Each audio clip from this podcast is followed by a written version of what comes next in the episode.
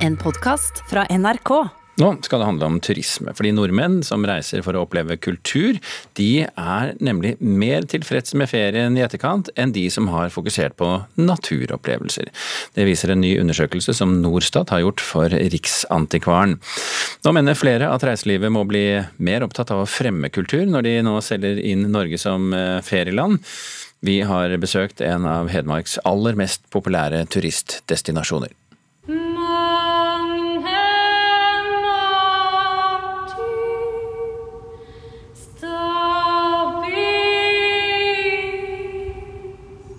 Det er gregorianske toner i historiske ruiner på Domkirkeodden i Hamar.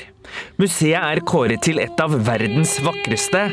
Syngende guide Åsne Kjellgum Langås sier de besøkende blir bergtatt når de blir tatt med nesten 900 år tilbake i tid.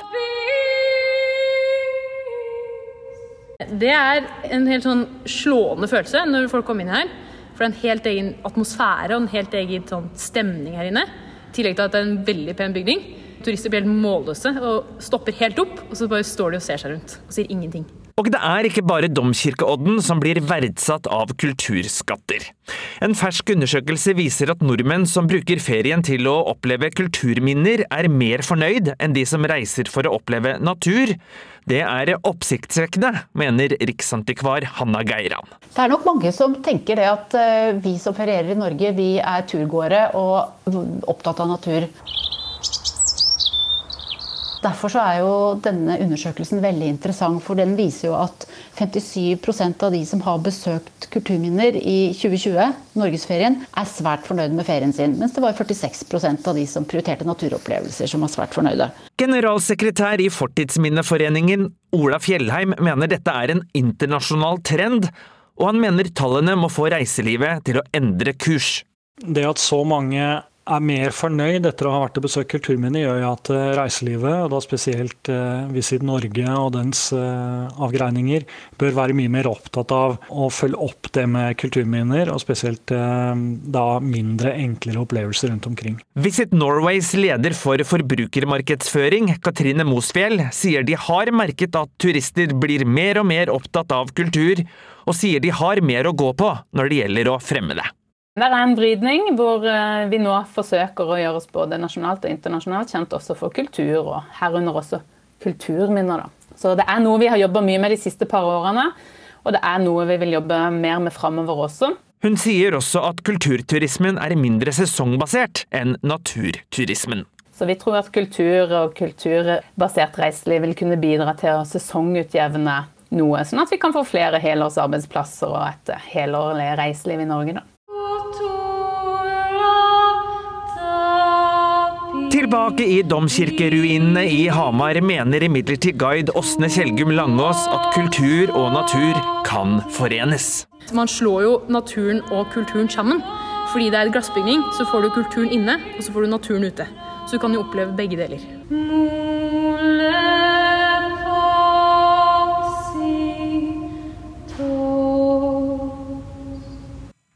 Klang fra fra Domkirkeodden i, i, eller skal vi si utenfor Hamar. Reporter her, det var Knut Øyvind Hagen. Da sier vi god morgen til NRKs kulturkommentator Agnes Moxnes. Riktig god morgen. Denne undersøkelsen gjelder jo for sommeren 2020, da de fleste nordmenn ferierte i eget land. Har det påvirket svarene, tror du? Ja, Det har det nok helt sikkert gjort. Altså, Mer enn 90% av reisene våre foregikk jo i Norge i, i fjor. Eh, og Det betyr jo at veldig mange dro på oppdagelsesreise i eget land. Og denne undersøkelsen som Riksantikvaren har fått gjort, eh, den viser jo til gangs at eh, turistene er veldig fornøyd med det de, de oppdager og finner, bl.a. av kulturminner. Og dette betyr jo også at av de 80 80 milliardene som vi brukte på reiser i fjor, så ble mye gjennom eh, kulturminner, fordi at de ligger spredt utover i landet på små og store steder. Så blir disse pengene spredt utover landet på en, en, en eh, måte som er ønsket, eh, tror jeg.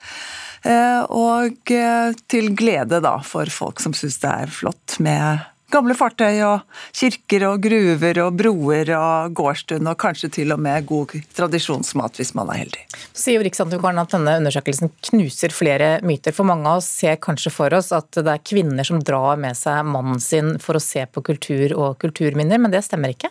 Altså, jeg tenker øyeblikkelig på kongen og dronningen og et, et bilde av dem eh, på, i et opptak på TV forleden, hvor de var på kulturminnebesøk i, i, Kina.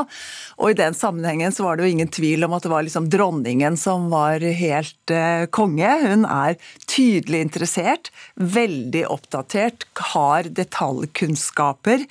Eh, mens han da tusler litt sånn halvhjertet eh, bak. Men, eh, og det er vel det bildet vi ser eh, for oss. men det er er altså myter, og kongeparet er altså ikke representative her. Unge er interessert i kulturminner. Eh, og særlig menn. Eh, og, det er, eh, sier de som forstår seg på dette her, og kan det, det er særlig en stor, stor interesse for tradisjonshåndverk. Altså det å forstå historien gjennom bruk av hender, eh, kniver, øks og høvel osv. Og så går jo, det må sies da, at dette går rett inn i en stor internasjonal trend. Altså masseturismen, eller charterturismen, er på, på vikende front. Og inn kommer altså da den nysgjerrige kulturturisten, som bruker mer penger enn andre turister, og som helst designer sin egen reise. Altså rett og slett en idealturist. Så sier Fortidsminneforeningen i denne reportasjen vi hørte at Visit Norway og reiselivet for øvrig må selge inn kulturminner mer aktivt. Hvordan selges den norske kulturarven inn i dag? Altså det kom en rapport om kulturturisme for et par år siden, og det politiske målet det er å gjøre kulturturisme til en betydelig helårsnæring innen 2030. Men denne rapporten peker også på en god del hindre, altså mangel på kunnskap om dette feltet, også innenfor turistnæringen.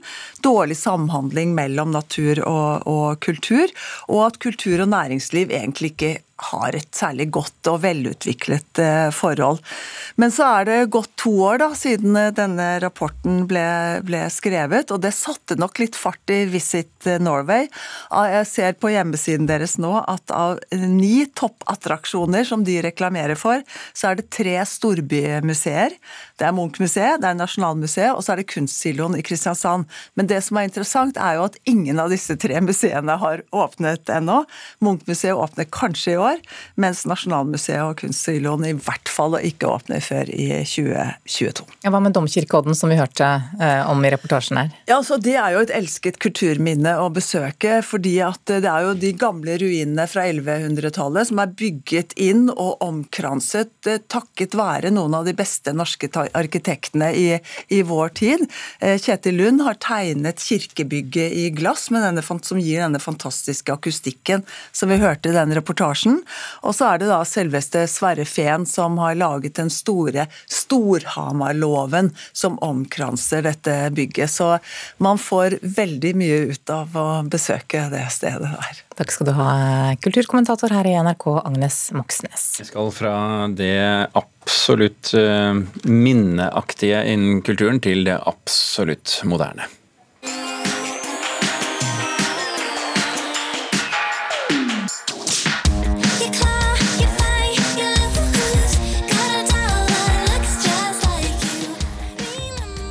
Hører lyd fra 'Flesh Without Blood' av artisten Grimes her. Det er ikke egentlig først og fremst musikken som gjør at vi har eh, tenkt til å høre med vår kulturreporter Aida Korami eh, om kryptovaluta.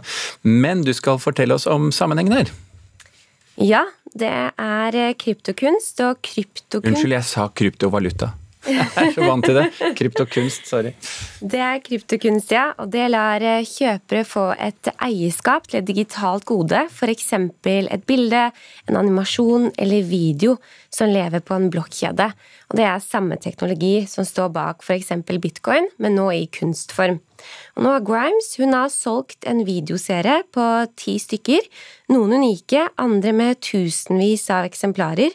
Og det mest solgte stykket det er ganske passende kalt Death of the Old, eller Døden av det gamle. Og det skriver det amerikanske nettstedet The Verge. Men disse videoseriene, hva, hva viser de egentlig? Det viser bl.a. bilder av flyvende engler, et kors som kommer mot deg, glødende lys, og så er det satt til original musikk av Grimes, som ikke har blitt gitt ut ennå. Og hun har solgt nesten 700 eksemplarer eh, for totalt 5 millioner dollar, og det tilsvarer nesten 43 millioner kroner. Og hvis vi skal sammenligne dette med tradisjonell kunst, så ble et maleri av Winston Churchill, som sies å være hans viktigste verk, solgt for 84 millioner kroner i går. Men eh, disse artistene, hvorfor selge Hvorfor går de inn i dette med kryptokunst? Ja, eh, det er jo ikke akkurat den type kunst som henger på stueveggen, men det som er så spesielt med det, er jo at den er nesten garantert autentisk.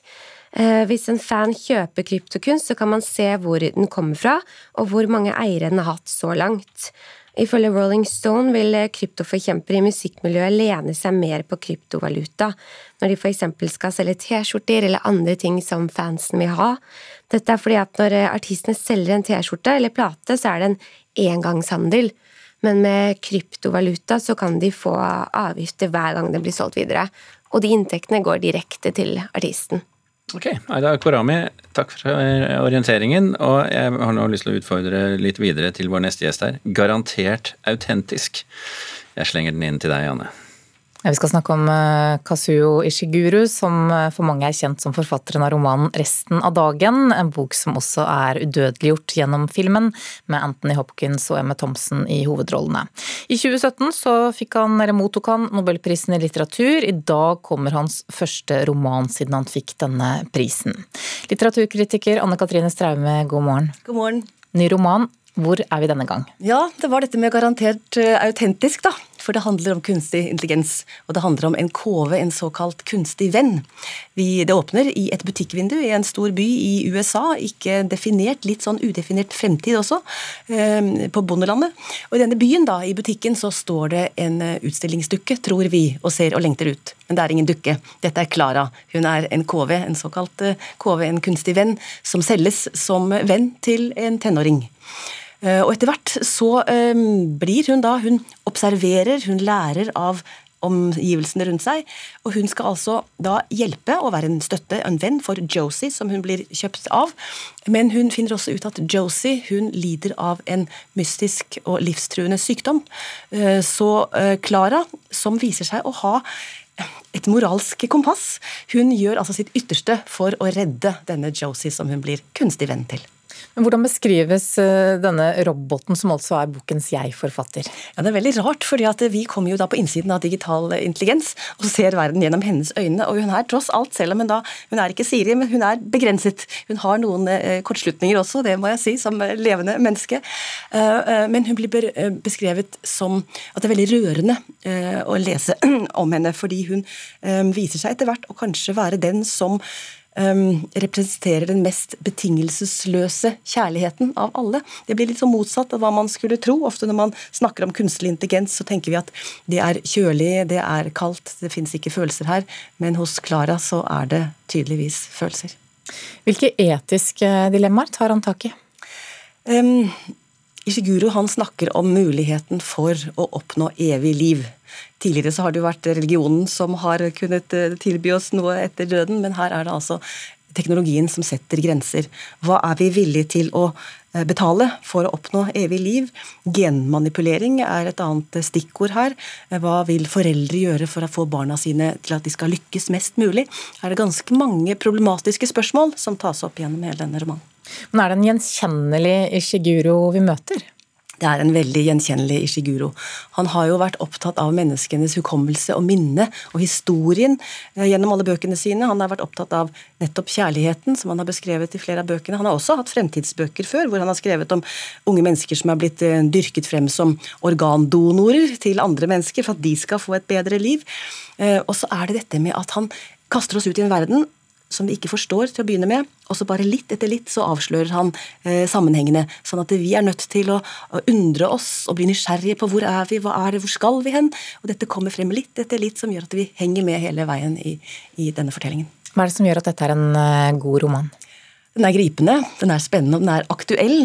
Eh, og jeg tenker at eh, Ishiguro, selv om han nå skriver om kunstig intelligens, om fremtiden, om teknologiske ting, så snakker han først og fremst til hjertene våre. Og han borer i noe som han har gjort lenge. Eh, kjærligheten, er det det som gjør oss til mennesker? Og han skriver at kjærligheten, som jo i Korinterbrevet blir beskrevet som det største av alt, er kanskje den erfaringen, den mest menneskelige erfaringen av alt, det er det at vi, vi strever med kjærligheten. Vi vil så gjerne oppnå den, vi ønsker den og vi håper at alt skal gå bra og så gjør det kanskje ikke det likevel. Det er en erkjennelse av det menneskelige. Takk skal du ha, Anne Katrin Straume. Klara og Solen er oversatt av Bjørn Aksel Alex Herman. Og denne og flere anmeldelser finner du på nettsidene våre nrk.no anmeldelser. Du har hørt en podkast fra NRK. Hør flere podkaster og din NRK-kanal i appen NRK Radio.